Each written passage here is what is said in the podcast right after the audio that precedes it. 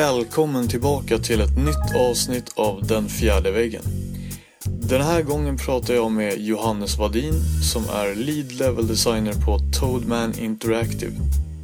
Johannes har tidigare arbetat på Might and Delight, Lionhead Studios och Avalanche Studios där han har arbetat på spelen Fable 3, PID, Shelter och Just Cause 1 och 2 för att nämna några.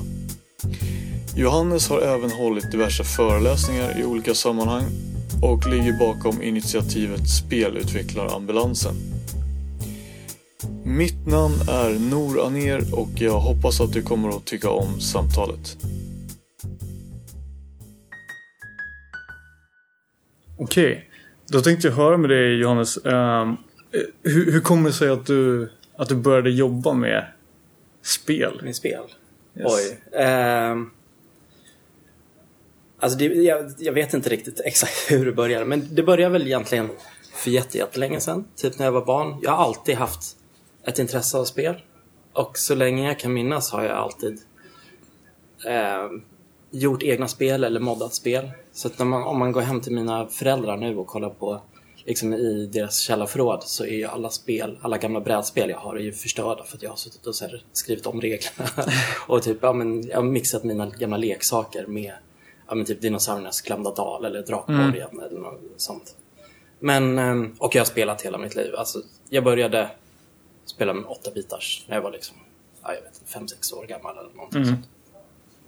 Eh, men sen tror jag att det fick, det fick någon liten paus när jag gick i högstadiet, gymnasiet och jag blev mer intresserad av konst. Mm. Och, och, måla och teckna och, och så. Och jag skulle Eh, min plan var att plugga på konstskola. Okej. Okay. Och så, så var jag faktiskt på medeltidsveckan. Jag tror det var 2003. Mm. sånt. Och grejen är att jag, jag har alltid varit skoltrött slash jävligt lat under hela min skolgång. Eh, så jag hade ju inte liksom, toppbetyg när jag slutade gymnasiet. Eh, men så var jag på medeltidsveckan och så av en händelse så var min farsa där också.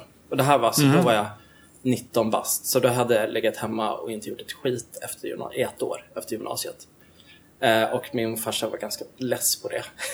så vi, jag kommer inte exakt ihåg vad det var, men vi, vi, fick, vi gjorde någon sorts överenskommelse om att han skulle tvinga ner mig till högskolan och kolla om det fanns någon typ kurser eller program eller någonting sånt ja, som jag kunde vara intresserad av. Så att jag kunde ta tag i mitt liv mm. och bli någonting när jag blev stor. Eh, och så såg jag den här spelutvecklarutbildningen och jag minns att så här, det första jag tänkte var typ så här, men, spelutvecklare, det har jag ju ish drömt om hela mitt liv. Men jag har typ trott att det var robotar som gjort spel. Jag har liksom inte sett, föreställt mig att man kan göra spel liksom, som, som, som ett yrke och att man kan leva på det, tjäna pengar på det. Eh, min andra tanke var liksom, ja, det här måste ju vara jättehög konkurrens. Liksom. Alla vill väl bli spelutvecklare när de blir stora. Så, och jag har skitkassebetyg så det är bara att ge upp liksom. Jag kör mm. mitt konstspår istället. Um, och så, så glömde jag bort att den här skolan fanns och åkte hem från medeltidsveckan. Och så minns jag att jag satt det måste varit så början på augusti eller slutet på juli eller något sånt, 2003. Jag satt hemma hos min polare eh, i hans gamla, eller liksom hemma hos hans föräldrar. För att vi bodde fortfarande hemma hos föräldrarna på den tiden. Och de, hans föräldrar tipsade om typ en sajt på nätet där man kunde kolla på utbildningar som fortfarande hade restplatser kvar. Mm. Eh, så, och då kom jag på att ja, men Högskolan på Gotland har ju spelutvecklarutbildning. Så jag, jag, bara skriver in och söker på och liksom chansar. Och så visade det sig att de hade restplatser av någon konstig anledning. Eh, och man var tvungen att göra något arbetsprov på temat lek, minns jag. Okay. Eh, och att inlämningsdatumet var dagen efter jag såg det här. Oj, så, okay. så, jag fick lite panik. Eh, och bara drog hem. satt uppe hela natten och målade en jätteful teckning. och bara skicka in den så för, att, ja, för att ha gjort någonting. Liksom. Mm. Och så tänkte jag att jag kanske kommer in på något annat sätt. Typ. Eh, hoppas att de inte tittar på det där arbetsprovet. eh, och så jag minns att så här, det var två, två veckor typ innan skolstart, eller något sånt, tre veckor innan skolstart. Och jag minns att jag ringde varje dag till Lars Lundgren hette han. Han som var ja, men, typ ansvarig för de som mm. antagningar för utbildningen. Så jag ringde honom varje jävla dag och tjatade på att jag ville komma in på den här utbildningen. Eh, och så till slut fick jag ett ja. Mm. Eh, och det var tre dagar innan skolan skulle börja. Så det var bara att packa mina väskor och flytta till Gotland. Jag minns att jag tog med min Xbox och typ en veckas ranson av kläder. ja, för jag följde år veckan efter också. Så jag var tvungen att åka på tre dagars varsel. Tvungen att åka och flytta till Gotland. Och sen ehm, för att jag visste att jag skulle komma hem veckan efter ändå för att fira min födelsedag. Ah, okay. Så jag packade inte så mycket. Och jag hade tur för att min kusin bodde på Gotland så jag får bo hos honom första tiden. Right. Så det var så jag kom in. Eh, sen började jag jobba Galet. med spel. Typ. Ja, det var lite bananskal. Mm. Bananskalstuket. Men när var det här då? Uh, ungefär? Det var 2003. 2003? Måste det ha varit. För jag gick ut 2006. Mm. Precis, så jag pluggade två och ett halvt år. Typ. Okej. Okay. Uh, eh, ja, och jag minns, alltså jag var ju...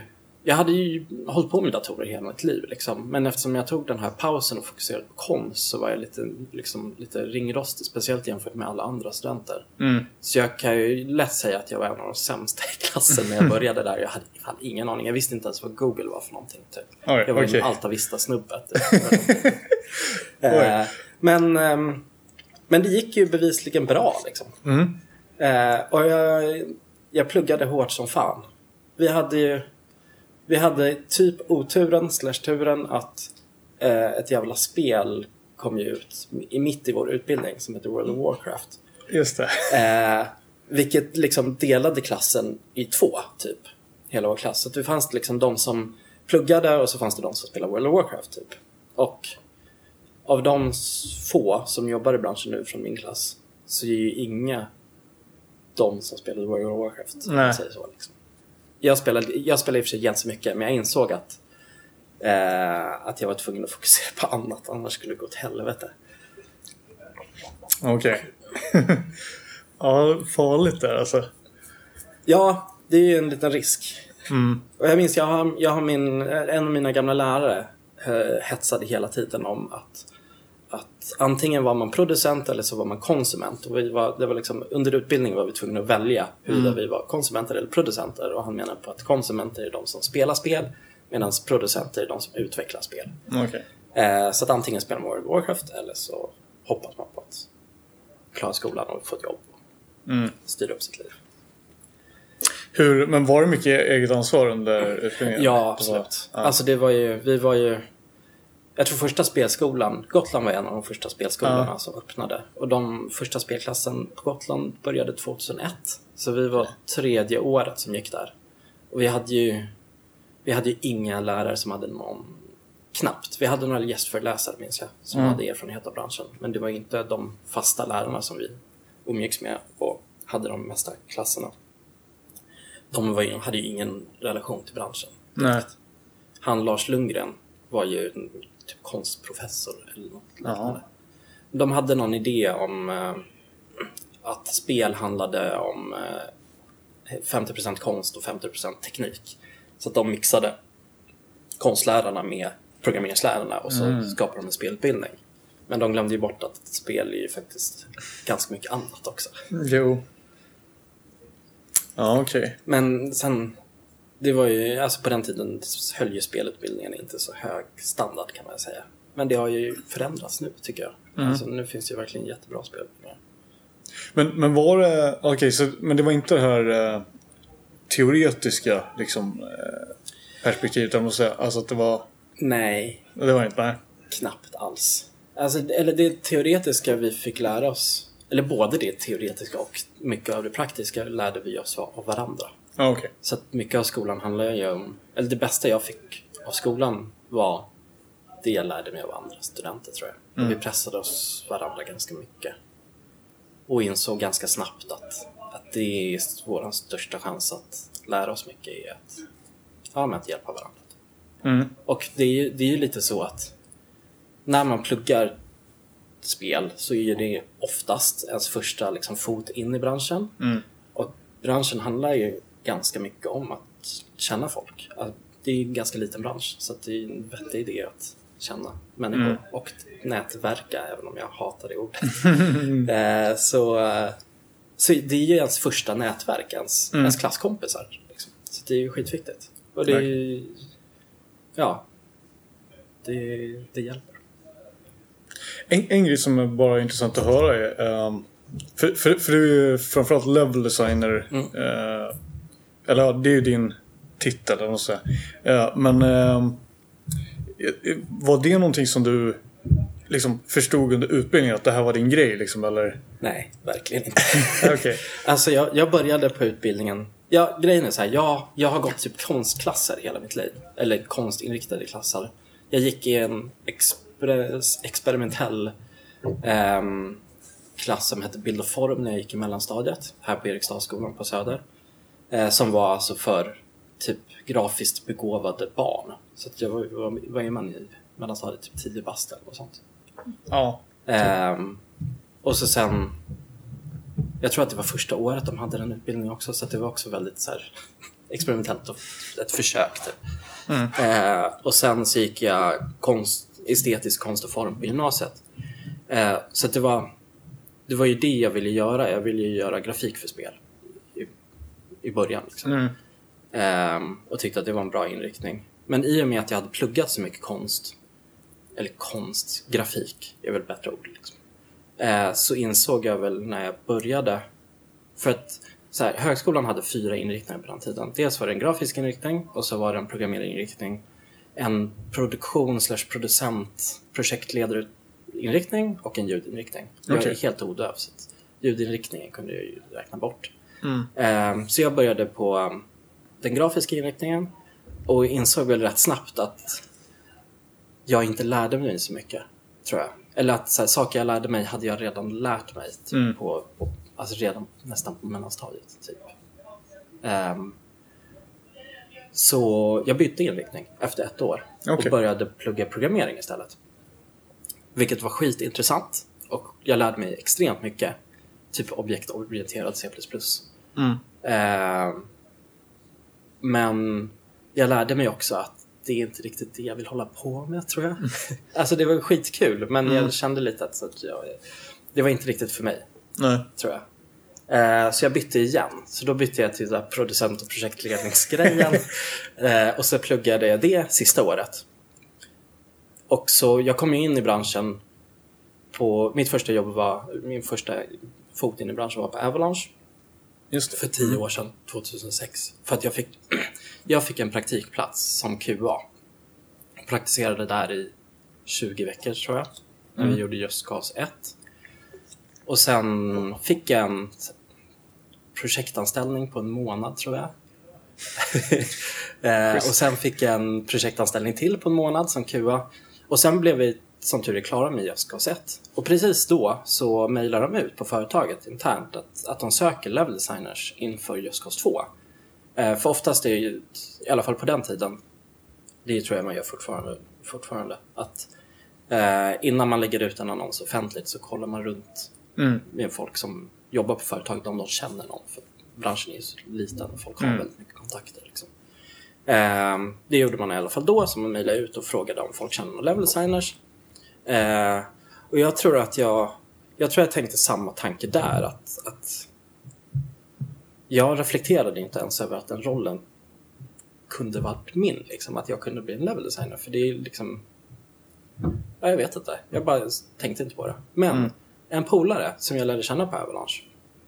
För det är det som är så bra med QA tycker jag. Att man får, man får liksom inblick i alla discipliner på något Mm. sätt. Så att man, man lär känna lite alla möjliga. Och man lär sig typ, ja men får man en, en fysikbok så lär man sig att den här ska jag skicka till fysikprogrammerarna kanske. Eller, eller de som har hand om fysiken. Ehm, så man får en bra inblick och man lär känna mycket människor. Så jag lärde känna en level designer och han, han tyckte att jag skulle söka den här tjänsten. Okej. Eh, och tipsade mig om det. Så gjorde jag det och eh, fick det. Coolt. Ja, vilket var också lite bananskal. Men... ehm, Men, de, men liksom, eh, trots att du liksom, antar inte hade hållit på med det alls då? Eller? Jo, alltså grejen är att jag har ju hållit på med det jävligt mycket. Bara Okej. det att jag, jag, liksom, jag har gjort det för att jag tyckte att det var kul. Jag har aldrig föreställt mig att man kan jobba med det. Nej, nej, okej. Ehm, alltså jag, höll ju, jag minns jag höll på med det när jag gick i högstadiet och sen modda Duke Nukem 3D-banor. Mm, okej. Mm. Ehm, och det är någonting som har följt efter mig hela mitt liv. Jag, har alltid, jag har alltid gillat level design. Mm. Men jag, jag, jag tror inte, jag insåg liksom inte att, att jag kunde bli en level designer. Typ. Men det gick bra. Jag fick jobbet och trivdes skitbra. Typ. Och hade skitkul. Jag utvecklade Just Cause 2 i tre år. Just det. Och blev 2006 till 2009 måste det ha varit. Mm. Skitlänge sedan alltså. jag, minns, jag, jag minns första gången jag kom in på Avalanche-kontoret. Den 3 februari 2006. Oj, det kommer jag, jag minns inte. Ja, för att eh, jag vet inte, det satte sig liksom i huvudet. Jag är ju helt värdelös på datum annars. Alltså, jag glömmer ju alltid bort människors födelsedagar och sånt. Eller innan Facebook fanns i alla fall. Ja, precis. Ja. Eh, men det, det datumet satte sig liksom i huvudet. Att, jag, jag vet inte varför. Det var, en, det var på något sätt en stor grej. Det var, då, det var ju mitt första riktiga, Mm. riktiga jobb. Eh, min första fot in i spelindustrin. Och eh, ja, det, det var ett, ett stort datum i mitt liv Mm. kan man säga. Eh, så jag firar, eller jag firar inte, jag bara tänkte på det. För det var två veckor sedan jag. Vad, vad hände sen då? Sen kom ju den, alltså, den ekonomiska krisen, eller Just kraschen och halva spelbranschen gick ju sönder nästan. Mm. Alltså den, det hände så jävla mycket samtidigt. Det måste ha varit 2009, 2010 eller något sånt. Det började till och med med att Green konkade. Det var Green, just det. Mm. Eh, Och de hade ju kontor, ett stort kontor, deras huvudkontor här i Stockholm. Mm. Sen hade de ett i Göteborg. Och så hade de ett i Barcelona tror jag. Ja, Om jag inte precis. minns fel. ja, just det. Ehm, och de konkade tyvärr. De hade ju släppt två stora titlar samtidigt. Mm. eh, och lyckades väl inte få någon fler projekt. Typ, så de hade inte råd att vara kvar. Jag, jag, jag har ju aldrig jobbat där så jag vet inte exakt vad som hände. Nej. Men det måste ha varit november, december 2006. Och precis då utannonserade Avalanche, eller utannonserade, de sa internt att de var tvungna att säga upp folk också. Mm. Jag tror de gjorde det i tre eller fyra omgångar. Så att under ett, loppet av ett halvår så hade de sagt upp, jag vet, jag vet inte exakt hur många det är, men mellan 50 och 70 procent av, Mm. av de som arbetade där. Eh, och jag var en av de sista som fick gå, minns jag. Och jag minns att jag trodde att jag var helt säker på att jag fick vara kvar. Mm. För att jag hade jobbat där så länge. Men det var, alltså det var så många som fick gå. Så att, eh, ingen var säkert. Eh, vilket var lite jobbigt för då var det, alltså Green var ju var de, 300 pers och så Mm. säg att det var 100 pers från Avalanche. Så att 400 spelutvecklare var arbetslösa samtidigt och på den tiden kanske jobbade 1500 pers i branschen. Så Ja. att det var ju nästan en tredjedel av alla spelutvecklare i Sverige var ju arbetslösa. Eh, så det var, ju, det var ju helt omöjligt att hitta jobb. Speciellt eftersom jag kom ut sist också så alla Mm. jobb var ju liksom Ja, det, det är ju väldigt fint. Det var ju, när allt det här hände så hjälpte ju Avalanche. Alltså de, de kommunicerar mycket med till exempel Starbreeze och Dice. Ja, okej. Eh, och sa bara att så här, nu kommer vi få se folk så om ni behöver någon så, så får ni jättehjälpa igen, gärna hjälpa till så att Mm. folk inte blir arbetslösa. Vilket var jättefint. Men eh, jag kom ut sist och då fanns det inte så mycket jobb kvar. Så jag minns att jag, jag anlitade en agent. Eller jag hörde av mig till en agent. Mhm. För det är ett ganska bra sätt att, att hitta jobb, eller var då i alla fall. Ehm, när man har lite erfarenhet. Mm. Agenter funkar så att de, det är företagen som anställer som betalar agenten. Så att för en arbetssökande så är det gratis. Mm, att spela mm. Så jag kontaktade en i, jag fick ett nummer från en gammal kollega. Eh, så jag kontaktade en i England Right. som fick leta jobb åt mig i Europa för det fanns ju typ inget i Sverige. Så jag minns att han, han hittade åtta jobb åt mig tror jag. Eh, och inget av dem var i Sverige. Så det var, jag kommer inte ihåg vilka, jag tror att det var Gorilla, Ninja Theory och Lionhead. Mm. Måste det varit. Och så var det några till. Ja, det var så länge sedan, jag minns inte riktigt. Ehm, jag minns att jag hade, jag började med en telefonintervju med, med Ninja Theory Okej. som jag tyckte gick skitbra.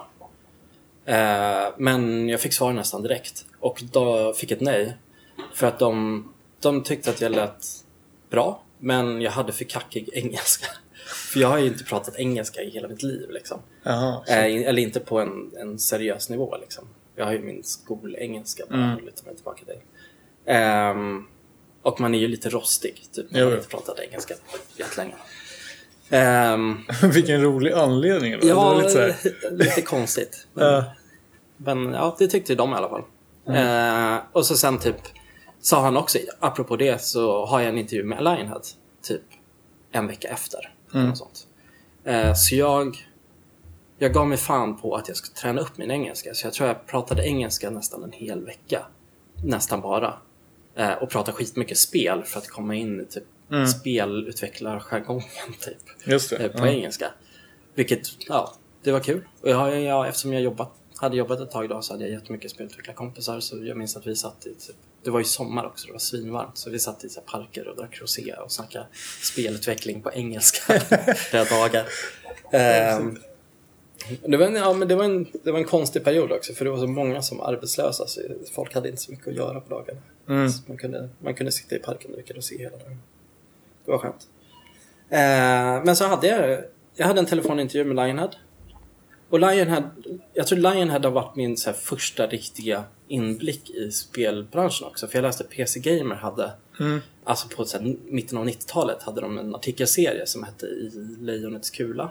Just det. Då Mm. de följde, då hade Lionhead precis startat. Bullfrog hade lagts ner och så hade de startat Lionhead.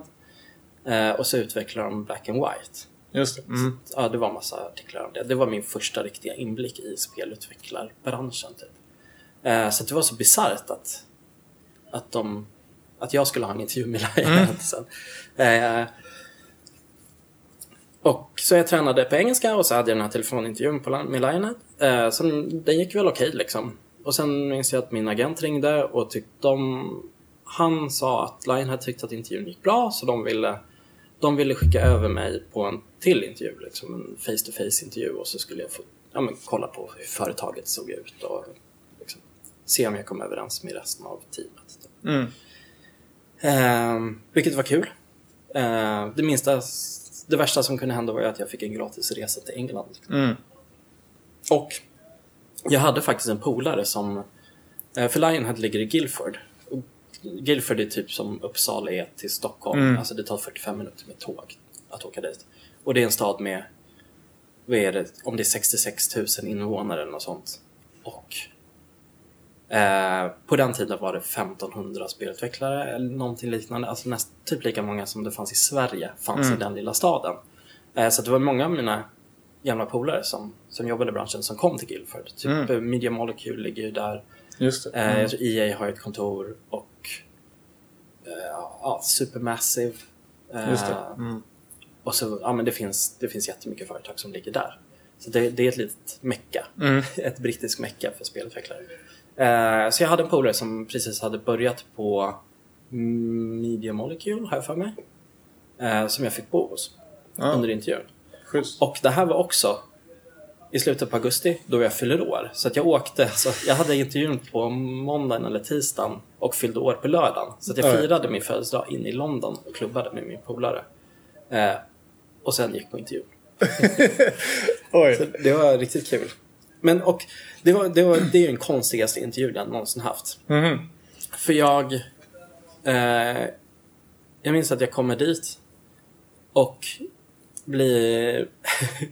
eh, ja, men blir, vad säger man, greetad Ja. ja, med... Eller... Eh, jag hälsar på lead level designer för Fable 3 som heter Mike Green. Som jag då har pratat med i telefon. Och en snubbe som heter Charlie.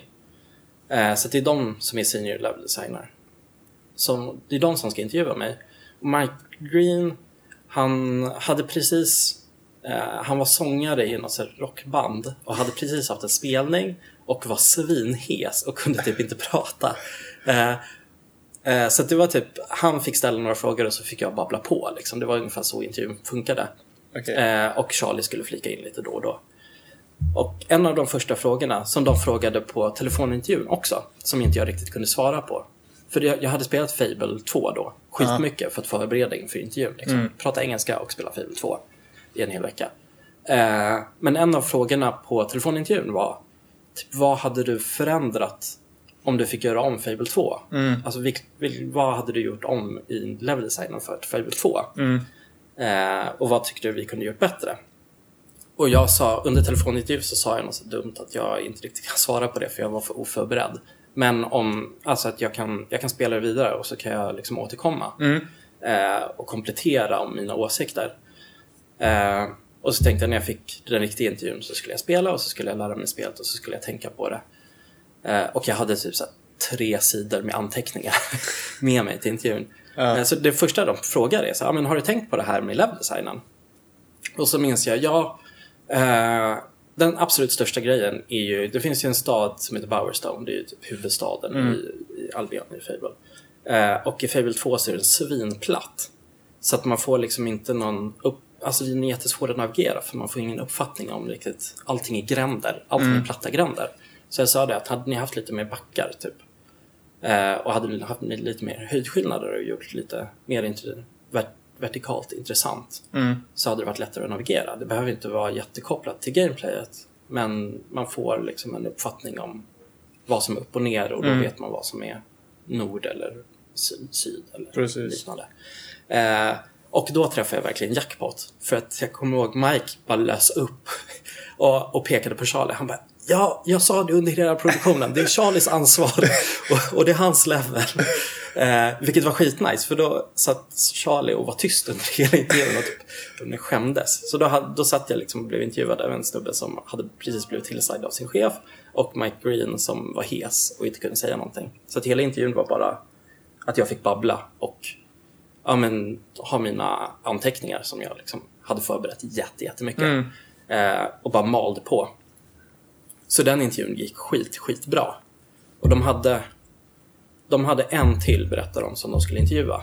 Okej. Eh, men att det såg ganska bra ut för mig, sa de typ. De sa det direkt alltså? Ja. eh, och så sen minns jag jag gick hem och det kändes bra. Och så tror jag, jag slaggade hos min polare en natt till, sen åkte jag hem. Och jag åkte hem mitt i natten. Eh, och jag minns att jag satt på Stansted, typ Europas risigaste flygplats, och väntade på mitt flyg mitt i natten, så här, klockan 11-12 på natten. Ja. Och min agent ringer och är så här lyrisk. Han bara, jag fattar inte hur du gjorde det, men, men jag snackade precis med Lionhead och de bara, jobbet är ditt och du får, du får komma hit liksom. Nu på typ så här två veckors varsel eller något sånt så skulle jag flytta till England. Shit. Ja. Ja, men det, ja, det funkar eh, skitbra. Flyttade till England och Ja. gjorde, jobbade på Fable 3 i ett år ungefär. Men vilket var skitkul och jag trivdes verkligen på Lionhead. Och det var så sjukt också eftersom eh, det var så många svenskar som och svenskar på den tiden, eller fortfarande, har ganska gott rykte inom spelutvecklarbranschen. Mm. Eh, Så det var jättemånga av mina polare som har blivit anställda i Guildford. Så Ja, vi hade ett svenskt gäng på så här 10-12 pers. Eller ja, det kanske var färre, jag kommer inte riktigt ihåg. Men, men ett gäng Mm. som umgicks hela tiden. Liksom. Eh, och hade ju svinkul. Så hade vårt lilla svenska mecka i det brittiska spelutvecklarmeckat. Eh, men jag tror att jag jobbade där ett år. Och sen flyttade jag hem. På, för att jag, jag hade en projektanställning. Okej. Eh, och på Lionhead, och jag tror att det är i många delar av den brittiska spelutvecklarbranschen så funkar det lite så att, att de har en, en kärna i företaget som är de fast anställda Mm. och sen kör de mycket projektanställningar. Ja. Och på Lionhead kallar de det typ Lionhead-familjen eller någonting sånt. Och då har de en, de har ett fast nummer som är de fast anställda.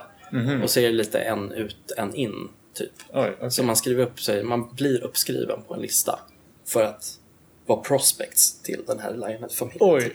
Eller någonting sånt. Jag kanske, jag kanske missförfattade det, men det var lite den uppfattningen jag fick. Mm. Och tydligen så, kom jag in på den här listan. Eh, och fick en fortsatt projektanställning. Okej. Och sen som förhoppningsvis skulle kunna leda vidare till fast anställning. Men då var jag typ... Jag var lite... Alltså jag levde ett jättebra liv där. Mm. Men jag åkte hem av personliga skäl för att jag saknade mina vänner typ. Och kände lite att jag vill inte att min karriär och mitt yrke ska komma i vägen för mitt privatliv. Typ. Jag vill inte att det ska styra mitt liv. Mm. Eh, och att mitt vänskap är mer värt än karriär egentligen. eh, så jag flyttade hem. Och tre dagar senare, efter att jag flyttade hem, och det här kommer tillbaka lite till det här att ens klasskompisar är ens första nätverk. För då ringer min gamla klasskompis som jobbade på Green tidigare Okej. ja. eh, och frågar vad jag gör nu för tiden. Hade ingen aning om att jag hade flyttat hem. Eh, och jag berättade typ att jag kom precis hem från England typ, och letar jobb. Så, så sa han typ att han och hans gamla Green-polare har startat ett nytt företag och de söker en level designer och så kommer han tänka på mig för jag har ju jobbat som level designer. Eh, och frågade om jag var intresserad av ett jobb och det var jag. Och det visade sig att de, det var Might and the Light som sökte en lead level designer. Um, och så ja, hamnade jag på ett jävla bananskal igen och åkte in på Might and the Light som lead level designer. Um, jag och Might and the Light funkade jättebra tillsammans. Alltså det, jag ser nästan Might and the Light som min andra eller tredje familj. Liksom. Det, är, det är ett sånt extremt mysigt och humant och trevligt företag. Mm. Och, eh, alltså jag har ju fortfarande jätte, jättebra kontakt med de flesta. Eller vi, ja, vi snackar inte alltid, men när vi väl gör det så kommer vi... Så, ja, man kommer tillbaka liksom till, Mm. till det. Och jag tror att alltså vi, vi började utveckla PID som skulle vara ett ganska kort projekt. Mm. För det, Might and Light är ju typ vissa av gänget som utvecklade Bionic Commander Rearmed. Alltså det. den plattforms shooten eller plattformsspelet. Mm. Eh, parallellt med det stora Bionic Commando. Eh, som sen skapade Might and Light. Och började göra arbete på en liten plattformare tillsammans. Som skulle vara ett litet projekt. Som sen blev så tre och ett halvt år, eller två och ett halvt år kanske eller något sånt. Det blev ett mycket längre projekt. Det var så länge alltså? Ja, vi satt med det skitlänge. Ehm, och det var liksom vi... Alla vi som jobbade där investerade tror jag så mycket i företaget och var så jävla pepp på att det skulle funka bra. Och att, Mm. alltså det är ju ett av de... Det är ju jättesvårt att jämföra. And Light är en liten indie-studio och vi gjorde ett ganska litet projekt även om det tog lång tid. Mm. Eh, och jämföra det med de AAA-spelen jag har gjort. Men det är ju liksom... Jag var så stor del av det spelet. Alltså jag var ju ensam level designer en stor del av tiden. Mm. Och sen var jag en av två level designers. Eh, under halva projektet ungefär. Så det var man... Jag har ju halvt som halvt designat de flesta banorna i PID liksom. Så det, jag har ju lagt ner min själ i det där spelet. Mm. Så det, det är en, det är som en vän liksom. Det är omöjligt att jämföra med ett AAA-projekt. Även om jag är jättestolt över alla AAA-projekt jag har gjort också. Så Mm. det är lite annan grej. Det blir en, man, man ger mer av sig själv på något sätt. Mm. Men sen, eh, du, du eh, stannade ju kvar på Might and Light och eh, blev Creative Director för det nästa spel. Ja, Det, eller Might and Lights nästa spel. precis. Det var ju, alltså det var ju en, vi hade jätte, jättemycket diskussioner i slutet av PID och efter att PID släpptes om vad fan vi skulle göra då. Alltså den, jag tror att den största diskussionen var hur vidare vi skulle försöka på ett säkert kort eh, och göra ett till plattformare och göra det vi kan och är duktiga på. Mm. Eller, eller, och göra det kanske lite mer kommersiellt. Jag tror en stor svårighet med PID var att det, den grafiska stilen säljer sig lite som ett barnspel. Det ser väldigt Mm. Gulligt och snällt ut medan det är jättehardcore plattformande Mm. och det är jävligt svårt. Liksom. Eh, så vi kanske vill göra något som är lite mer kommersiellt gångbart. Eller om vi vill skita i det och bara göra någonting vi brinner för och tycker är kul och tycker att jag vet inte, in- branschen behöver är ett konstigt uttryck men någonting som inte riktigt är gjort tidigare. Mm. Att vi vill göra någonting, inte nyskapande men, men någonting annorlunda liksom. Eh, så vi, vi snackade jättemycket om vad fan vi skulle göra och vilken genre vi skulle göra och vilket tema det skulle vara. Eh, och jag tror det var jag som pitchade, eller det var mitt i en diskussion. Vi på något sätt kom in på att vi vill göra en fabel. på något sätt. Alltså det ska handla om djur. Man ska mm. spela ett djur på något sätt. Eh, men det är ju också ganska brett. Jag minns att vi hade en typ diskussion i nästan flera dagar om huruvida det här djuret skulle gå på fyra eller två ben. Mm, just det. Och vilket, vilket också var jättebra att vi gick igenom liksom så grundligt. Mm. För att det var ju någonting som till slut definierade spelet väldigt mycket. Vi kom mm. ju fram till att vi ville testa att göra ett fyrbent djur. Um, och jag tror hade vi gjort tvåbent så hade det nog gått mer åt människoliknande håll, alltså mer Crash Bandicoot kanske. Mm. Eh, speciellt efter med vår plattformshistorik. Just det. Medan vi valde att gå mer åt fyrbent. Och då på något sätt blev det organiskt så att man, man ser det mer som ett djur. Att spela karaktären mm. ett djur snarare än en Säger man bipedal? Bipedal? Alltså tvåbent. Ja. Mm. En tvåbent, ett tvåbent djur. Vi kom ju hyfsat tidigt fram till att vi ville göra en grävling. Mm. Eh, jag minns inte exakt varför, men eh, ja, på något sätt kom vi fram till att vi vill göra en grävling. Och gör man en grävling som går på två ben så blir det ju mer en Alltså det blir en människa med en mm. grävlingskropp i princip, eller en grävlingsutseende. Mm. Medan om man gör ett fyrbent grävling, då gör man en grävling på riktigt. Precis. Eh, och vi, vi hade jättemycket filosofier kring hur vi ville skapa Shelter och jag tror att en grej som jag tyckte var väldigt viktig i Shelter var att eftersom vi gjorde ett spel om djur så ville vi ta bort så mycket mänskliga element i spelet som möjligt. Mm. Um, alltså inte bara det att man aldrig någonsin möter någonting en människa har lämnat efter sig i spelet. Uh, för att vi, vi, ja, det var ju en stor grej också i leveldesignen att vi ville ha landmärken och det är jättesvårt att hitta landmärken som inte är konstruerade. Mm. Typ. Uh, men vi ville allting i spelet är ju organiskt. Liksom. Det kommer ju från naturen. Precis. Så det var en jätte, ett stor grej som vi tog ställning till ganska tidigt var att vi vill inte ha några mänskliga element. Till exempel eh, att tutorial texten var inte text utan det var bilder. Mm. Just för att vi ville ha så avskalat och så lite text som möjligt. Genom hela spelet. Just för att, jag tror just för att känn, få den här känslan av att man var ett djur och att människor inte hade någonting i den här världen att göra. Typ. Mm. Eh, jag minns inte riktigt hur vi kom in på att det skulle handla om en grävlingsmamma. Eller det är ju inte ens en mamma, man vet inte vad det är för kön på grävlingen. Det kan ju vara en pappa också, men en grävlingsförälder. Mm. Eh, jag tror att det är någon artefakt från att vi, vi ville ha ett intressant sätt att visa hur mycket liv man hade. Mm. Eh, och då kom vi på att vi gör små grävlingsbarn som följer efter grävlingen och så dör de när, när mamman eller föräldern dör. Eller tar skada. Eh, och så mer och mer... Det är så hemskt. Ja, det är skithemskt. Men mer och mer kom spelet att handla om de här barnen mm. istället. Mm. Eh, vilket, vilket är skitfint och det är någonting jag är jättestolt över under, alltså i Shelter. Att Shelter handlar ju om föräldraskap mm. egentligen. Mm. Och det handlar inte om varken barn eller förälder utan det handlar mer om relationen förälder-barn. Mm. Och det är någonting som inte utforskas så mycket i något spel. Nej. Så det, det kändes jätte, jättebra att få testa det. Typ. Mm. Och vi, vi fick ju jätte, jättebra respons. Alltså jag minns, jag, det är ju typ en av de mest emotionella upplevelserna under hela mina, min karriär. Liksom. Jag minns att jag läste typ user reviews precis efter att vi hade släppt Shelter. Mm.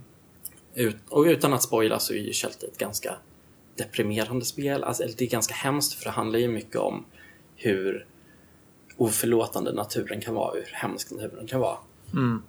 Eh, och då är, det, då är det användare eller spelare som sitter och skriver att de, de grät när de spelade. Mm. Och jag minns att jag sitter mitt i natten och är helt uttömd för att vi har arbetat så jävla mycket. Eh, och sitter och bölar för att jag läser att vi har fått någon annan att böla. Mm. Och det är, det är sånt sån sjuk upplevelse. Ja. Och det är fantastiskt att känna att man har skapat artificiella eller känslor hos, hos användare och andra Mm. människor. Det är en sjuk upplevelse. Och det är inte så många spel som, som tycker jag utforskar hela känslospektrat. i Nej. Det finns mycket otappade resurser där. Och mycket att utforska. men jag tänkte, eh, var inte det en del av, alltså, eh, var inte det ett av era mål lite grann med, eller den uppfattningen jag har fått, eh, att det Ja, liksom, ni det vill, ville framkalla känslor hos spelarna? Ja, absolut. In, kanske inte från början, men ju mer spelet växte fram så blev det mer uppenbart att det är dit vi går och det är det som är målet med spelet, eller tanken med spelet.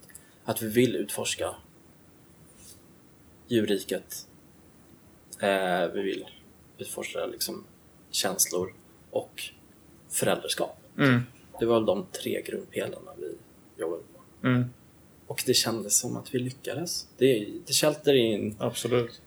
Eh, det är ju ett spel som inte är till för alla kanske. Det är inte alla som uppskattar det, men jag tror att folk som uppskattar det uppskattar det väldigt mycket. Mm. Och jag har hört bra grejer om det. Och jag är väldigt stolt över att jag gjorde Mm. det. Typ jag var och hälsade på en kompis i London eh, för, som bor där för bara, alltså, vad är det, november, december, för några månader sedan.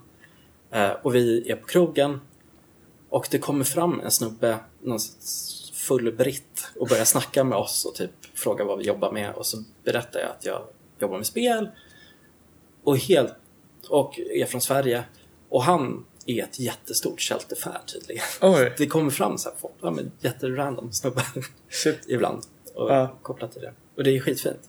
Jag var på en, eh, en mässa i Polen för två år sedan kanske och Mm. blev dit, ditbjuden eh, som en av liksom huvudgästerna på grund av att jag hade gjort Shelter och Mm, hade någon mm. mm. entimmars föreläsning typ om, om hur vi gjorde vi gjorde Shelter. Eh, och han snubben som arrangerade var så här, han blev nästan typ röd i ansiktet när vi träffades. För han, han sa det, han bara jag är så stolt över att träffa dig för jag tycker om Shelter så jävla mycket och det känns som att träffa sin idol. Typ. Vilket är en jättekonstig känsla. Eh, för jag är ju fortfarande den här snubben som jag var innan jag började plugga. Att jag, jag kan inte riktigt fatta att jag är spelutvecklare. Typ. så det är, en- ja, det är en jättekonstig känsla. Mm. Men jag tror många inom branschen tror inte eh, liksom kan relatera till det lite grann. Att det är så här, man kan inte riktigt fatta. Ja, jag kan tänka mig det. Det är väldigt overkligt. Ja. Det är nästan, alltså jag minns första åren får man nästan nypa sig själv i armen typ för att inse att man och speciellt, alltså jag tror att det är väldigt många i branschen som har drömt om det hela sitt liv. Mm. Liksom, det, är en, det är en dröm som går i uppfyllelse. Så det är en, det är ju sjukt. Det är ens dröm. Jo. Definitivt. Det är få förunnat. Jag tänkte när vi ändå pratar om spelbranschen. ehm, eller när vi nämnde det i alla fall.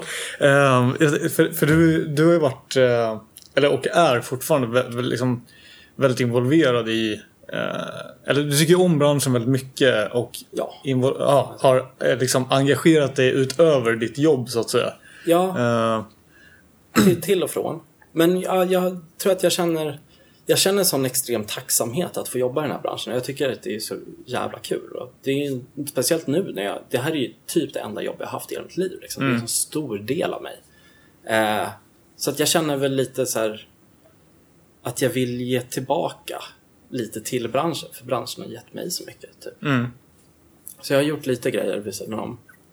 Eh, alltså det, den största grejen som allting kretsar kring tror jag är väl att jag har föreläst hyfsat mycket. Jag försöker föreläsa en eller två gånger per år i alla fall. Så mycket jag har tid med. Eh, och då är det främst, jag har varit på Högskolan på Gotland några gånger och här i Stockholm på Future Games för att det är så enkelt att bara gå upp hit. Och jag har jättebra kontakt med alla som jobbar här. Liksom. Eh, och jag, när jag kom hem från England så startade jag och en polare ett företag som heter TapeDuck. Som var... Det skulle fungera så att skolor skulle kun- kunna kontakta oss. För det var en, en snubbe som jobbade på Green. Mm. Och vi har, vi har liksom, vår karriär har gått lite parallellt. Så att vi har aldrig jobbat med varandra men vi har känt till varandra för att branschen är så liten. Mm. Eh, och så bodde vi båda i Guildford, vi jobbade på olika företag men vi jobbade båda på Guildford. Och, eh, eller jobbade i Guildford. Och lärde känna varandra. Eh, och flyttade tillbaka till Stockholm ungefär samtidigt. Så vi, och han har också föreläst en massa. Mm. Eh, så vi sa det att så, men vi startar ett företag som ska fungera så att skolor ska komma till oss och be om en specifik föreläsning. Typ inte, fysikprogrammering eller liksom rendering eller, eller mocap-animation eller vad det nu kan vara. Mm. Och så ska vi, vår uppgift blir att hitta en person i vårt kontaktnät Mm. typ, som är sugen på att komma och berätta typ, om det. Eh, vilket jag tror funkar, funkade bra. Vi fick ganska bra gensvar från både Alltså det är ju skitmånga i branschen som vill komma och föreläsa men Mm. aldrig blir tillfrågade. För att skolor är dåliga på att fråga och folk i branschen är dåliga på att säga att de finns och är intresserade. Mm. Ehm, men då samtidigt fick jag jobb på Might and Light och min polare började plugga. Eh, så det rann liksom lite ut i sanden. Vi fick inte riktigt tid att fokusera på det. Ja. Så det blev ingenting av det. Men jag tror fortfarande att det finns extremt behov. Liksom. Jag tror skolor har blivit mycket, mycket bättre och fått Mm. mycket, mycket, mycket bättre kontakt med branschen. Men ja, det kan alltid bli bättre. Liksom. Absolut. Det låter som en väldigt... Väl, alltså det är en väldigt bra idé. Liksom. Jag tror det. Och Den, ja. Jag tror att alla gagnas av det. Mm. Ehm, så det är någonting jag gjort. När... Jag minns att när jag... När allting gick åt helvete 2009-2010 och Mm. du vet, en tredjedel av branschen var arbetslösa nästan. Så minns jag att jag... Jag var och festade med min polare som bodde i Guildford för att jag fyllde år och jag var på intervju på, på, eh, på Lionhead. Mm. Och då fick jag någon idé att så här, men det... det all, alla känner ju lite alla. Och, men, och när ett företag är intresserad av att, att liksom gå ut med en tjänst eller vill anställa någon så brukar de ju söka bland de som redan finns i branschen eller polares polare, kontakter. Mm. Eh, och det skulle vara schysst att ha ett ställe där all sån här information samlas på något sätt. Just det. Så jag startade en Facebookgrupp som var... Jag tror den, den var väl liksom gömd för alla mina vänner typ. All, det var inte till för alla från Avalanche som inte hade jobb. Tror jag. Det var väl så det började ungefär. Okej. ja. Eh, vilket också fick ganska bra respons. Och den, den växte liksom i proportioner typ. Och jag kollade faktiskt inför den här intervjun, kollade hur många medlemmar den har. Och Den har vad är det, 4400 medlemmar eller något sånt. Mm. Eh, och det är nästan, alltså, frågar man någon i branschen om spelutvecklarambulansen så är det nästan, det är nästan alltid någon, alltså folk har hört talas om det, nästan Ja, alla är definitivt. medlemmar. Eh, så det är skitkul. Så det, det är också någonting som har växt Mm. ur sin proportion, liksom, från att vara den här lilla slutna gruppen vänner liksom, till att, till att bli en stor del av branschen. Men så, så det var mer eh, något som bara blev? Det var inte någon idé, du hade ingen idé med det från början att det skulle bli för alla eller något sånt? Nej, gud, Nej. nej. Verkligen inte. Ut- Alltså, det var ju, tanken var ju att det skulle vara temporärt medan det var svårt att hitta jobb. typ. Ja. Att det, någonstans där man kunde samla vart jobben fanns liksom, och hjälpa varandra Mm. ur arbetslösheten. Liksom, så att alla skulle klara sig. Typ, och inte gå arbetslösa. Mm. Men sen... Jag tror jag öppnade upp den när jag tror att det var massa greenfolk som var intresserade eller något sånt. Det blev liksom, eller vi insåg väl att så här, det finns flera i branschen som kan vara intresserade av det här. Mm. Och sen, sen exploderade det. Typ. Sen var alla medlemmar. typ. Och man, det är så kul också för att alltså, på Facebook måste man godkänna alla som, som begär att få vara med i gruppen. Mm. Eh, och medlemmarna kommer verkligen i bursts. Så att det är ju antagligen typ någon som har postat på något studentforum någonstans. Eller man, man känner jättetydligt, typ i augusti brukar det komma jättemycket medlemmar för att det är då de nya studenterna kommer. Så att det är då någon har tipsat någon. Just så det, sprids det hela klassen liksom, och så kommer det 20 pers på samma dag. Typ. Eh, och det är skitkul. Och jag, man får höra lite då och då om folk som har fått jobb genom det och tycker att det var bra. Mm. Men eh, hur är det, alltså, för det, alla kan godkänna alla där och sådär va? Ja. Så det är ingen kontroll på att folk faktiskt arbetar eller är inom branschen eller? Nej, alltså vi har haft jättemycket diskussioner om det där. Och alltså det är ju omöjligt att kontrollera alla. Det är, jag Mm. som, det är över 4000 medlemmar liksom. Och jag, det är jag och en bekant. Mm. Eller en, en kompis liksom som, som är administratörer som godkänner alla som inte någon annan godkänner. Mm. Eh, och det finns ju ingen möjlighet för oss att, Nej. att liksom begränsa den.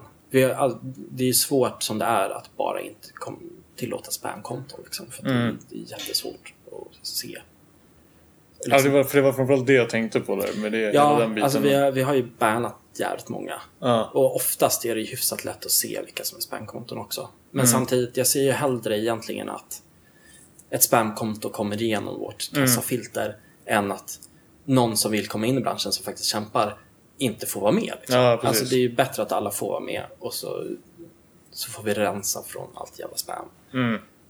Men det är ju ett ganska mycket arbete att bara banna folk som skriver skit. Liksom. Mm. Men det är ganska skönt, vi måste ju godkänna all poster också. Eh, så att där, där ser man ju väldigt tydligt vilka som är spam. Liksom. Mm. Eh, så det är ju skitmånga som bannas på det sättet. De som kommer igenom är ju typ de som spammar kommentarer. Mm. Men det märker man off, hyfsat ganska snabbt. Och så bannar man. Mm. Eh, någonting som har varit ganska svårt är ju att ta ställning till vad som faktiskt är ett spelutvecklarjobb. Alltså det är många som postar som är väldigt tveksamt huruvida det ska liksom mm. få postas där. Alltså, vi har sagt att det måste vara en betald tjänst. Det måste vara ett företag som går ut med den här tjänsten. Mm. Typ, för vi vill inte att vi vill inte att det ska bli för stökigt. Vi vill fortfarande att det ska finnas liksom, substans i innehållet. Att mm. alla poster ska vara relevanta för någon. Liksom. Precis. Eh, så att vi tar till exempel inte emot studentprojekt. Tyvärr, även om jag tycker att det är skitbra och det behövs verkligen en, ett forum för, mm. för folk som söker till studentprojekt eller liksom hemmabyggen eller privatprojekt. Liksom. Men vi har valt att inte vara det, utan vi fokuserar oss på, på jobb istället. Mm. Och jag tror att det är väl det de flesta användarna skriver upp sig på när de ja. är i gruppen också. Det är det vi har utannonserat att vi är. Typ. Och um, men till exempel om det är en gymnasieskola med inriktning på spelutveckling som söker en spelutvecklarlärare. Mm. Är det lite borderline? Ja, det är lite, lite borderline. Eller typ bettingföretag som söker en programmerare. Mm. Är det, ja, det är jättesvårt att veta. Liksom. Mm. Eh, så att vi, vi får göra en lite subjektiv bedömning från fall till fall. Och det är, det är vissa som har kommenterat på att vi ibland är lite för snälla och så är det vissa som kommenterar att vi är för hårda. Mm. Men man, ja, vi får dra gränsen någonstans. Liksom. Och jag tror att, hoppas jag, att majoriteten av användare är nöjda. Mm. Jag tänkte höra eh, lite hur du ser på, på level design och level design level designs framtid, eller vad man säger. Alltså hur, hur, hur skulle man kunna liksom utveckla level och, design. Och för, förbättra? Ja, precis. hur, hur, man arbetar eller vad?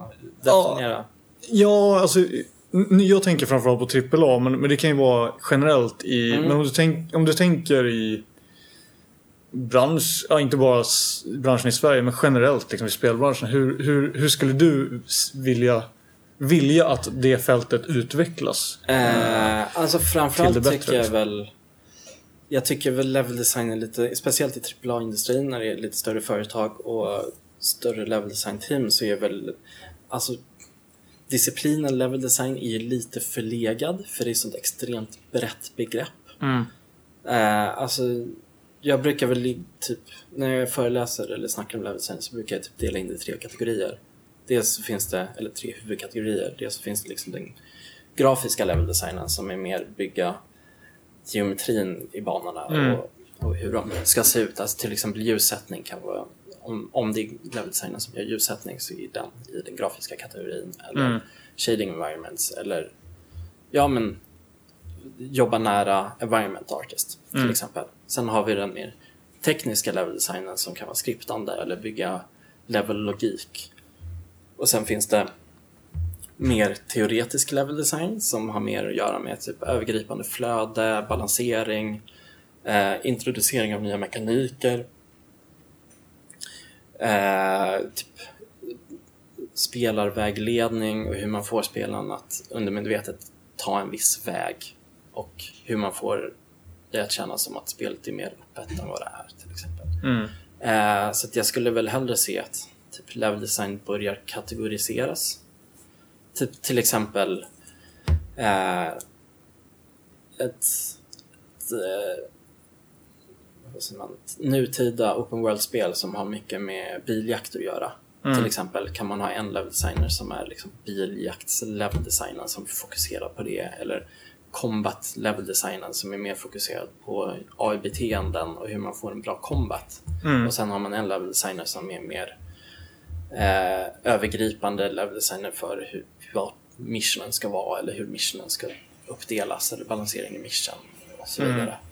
Alltså, level design är så jävla brett så att jag skulle hellre se att det, det definieras ännu mer. Jag vet att många företag är jättebra på att definiera det, men när man pratar om level design så pratar man fortfarande om level design som en disciplin. Men det är ju egentligen inte det. Alltså på, på mindre företag där man typ är en level designer som vi var i under en viss tid i, när vi utvecklade PID.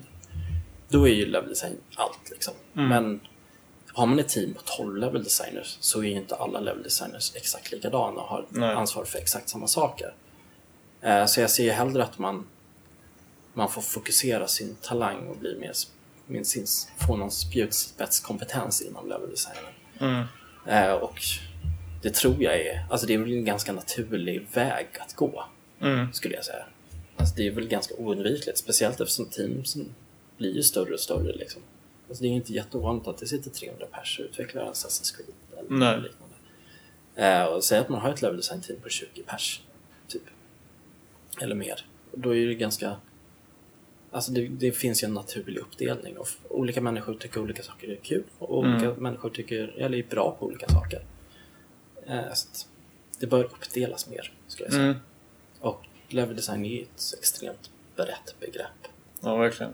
Så Men innebär det då alltså att um, din, eh, alltså Tycker du alltså att det inte finns något egenvärde i att liksom äga en bana eller ska säga? Alltså att man skulle kunna vara flera på samma bana då utan problem och göra olika delar av det så att säga. Ja, alltså generellt så tycker jag väl att det oftast är ett bättre sätt att gå.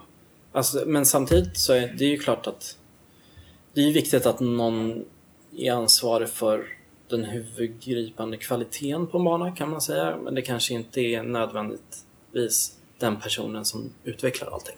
Nej. Eh, Så det kan vara bra att sätta sitt namn på banan, eller en persons namn. Men då kan det mer handla om att den här personen är ansvarig för att det görs, Mm. ska jag säga. Okej. Eh, Och jag tror att man får en generellt sämre produkt om man sprider ut sin spetskompetens. För då får man en bana som är jätteinriktad på combat. Man får en bana som är jätteinriktad på biljakter eller, eller något liknande. Och då är det ju bättre att man sprider ut kompetensen över hela spelet. Mm. Generellt. Det beror lite på vilket spel man gör, skulle jag säga. Men Jag tror att det är en bättre väg att gå. Och jag tror att det är väl så de flesta företag jobbar nu. Också. Ja. De större gör nog det. Ja, kan jag. Men om det här för i... Eller jag vet inte, men min uppfattning är i alla fall att eh, liksom mindre och medelstora så kan det fortfarande vara väldigt odefinierat, alltså rollen. om man säger. Att det kan Mm. vara lite... Ja, du vet, man kan göra lite allt möjligt. Ja, men det är ju, alltså det är ju det gäller ju alla discipliner på små företag. Har, Ja. har man en grafiker på ett företag så gör ju den både karaktärer och props. Jo, det är klart. Så att det, det är ju självklart, alltså det är ju ens ansvar blir ju mycket bredare naturligt för att det finns inga andra som täcker de ansvarsområdena. Absolut, ja, men så är det ju. Okej, som avslutning skulle jag bara vilja höra om du eh, om du har något, eh, något spel som du, något favoritspel ur design eh, ja, synpunkt eller vad man ska säga. Så, eh, det kan vara ett nytt eller ett gammalt.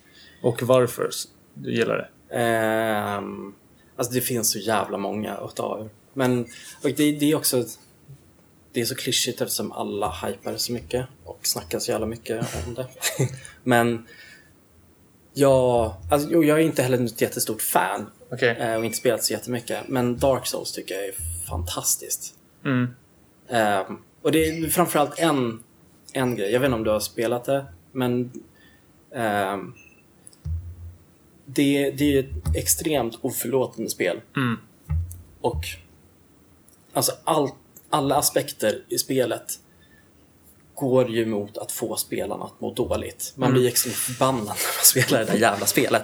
Och det, bara, det, det, liksom, det arbetar hela tiden mot spelaren. Vilket är så vackert på något sätt för att det skapar sån extrem belöning när man väl kommer vidare i det. Eh, men jag vet att, speciellt från ett level design perspektiv så finns det ett, en grej i spelet. Det är precis när man kommer, jag kommer inte ihåg vad allting heter. Eh, men det är precis när man, eh, man kommer från tutorialbanan och så flyger man på någon, någon fågel på något sätt. Eh, fram till liksom, den mer öppna världen. Och en vikt, ett viktigt aspekt i level design som jag var lite inne på tidigare är ju alltså spelarvägledning. Att man undermedvetet vill leda spelaren rätt, längs rätt väg. Eh, och det, alltså jag är helt säker på att de som utvecklat det är medvetna om det, men de, det första de gör är att de leder spelaren fel väg.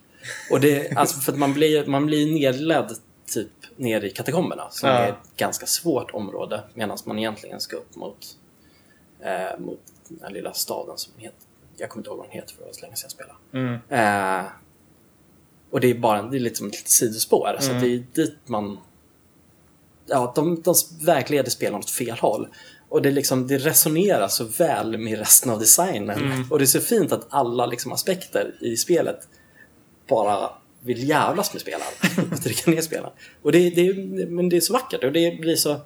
Eftersom alla aspekter gör det så blir det så uppenbart att det är medvetet gjort. Och så att de, de, de är medvetna om spelreglerna, men de bryter dem medvetet. Vilket det finns något otroligt vackert i det. Mm. Så det är ett favoritspel, men det är ju typ alla favoritspel nu för tiden. Så det, det är ett skittråkigt exempel. Ja, nej men det är det är ju en anledning till det också.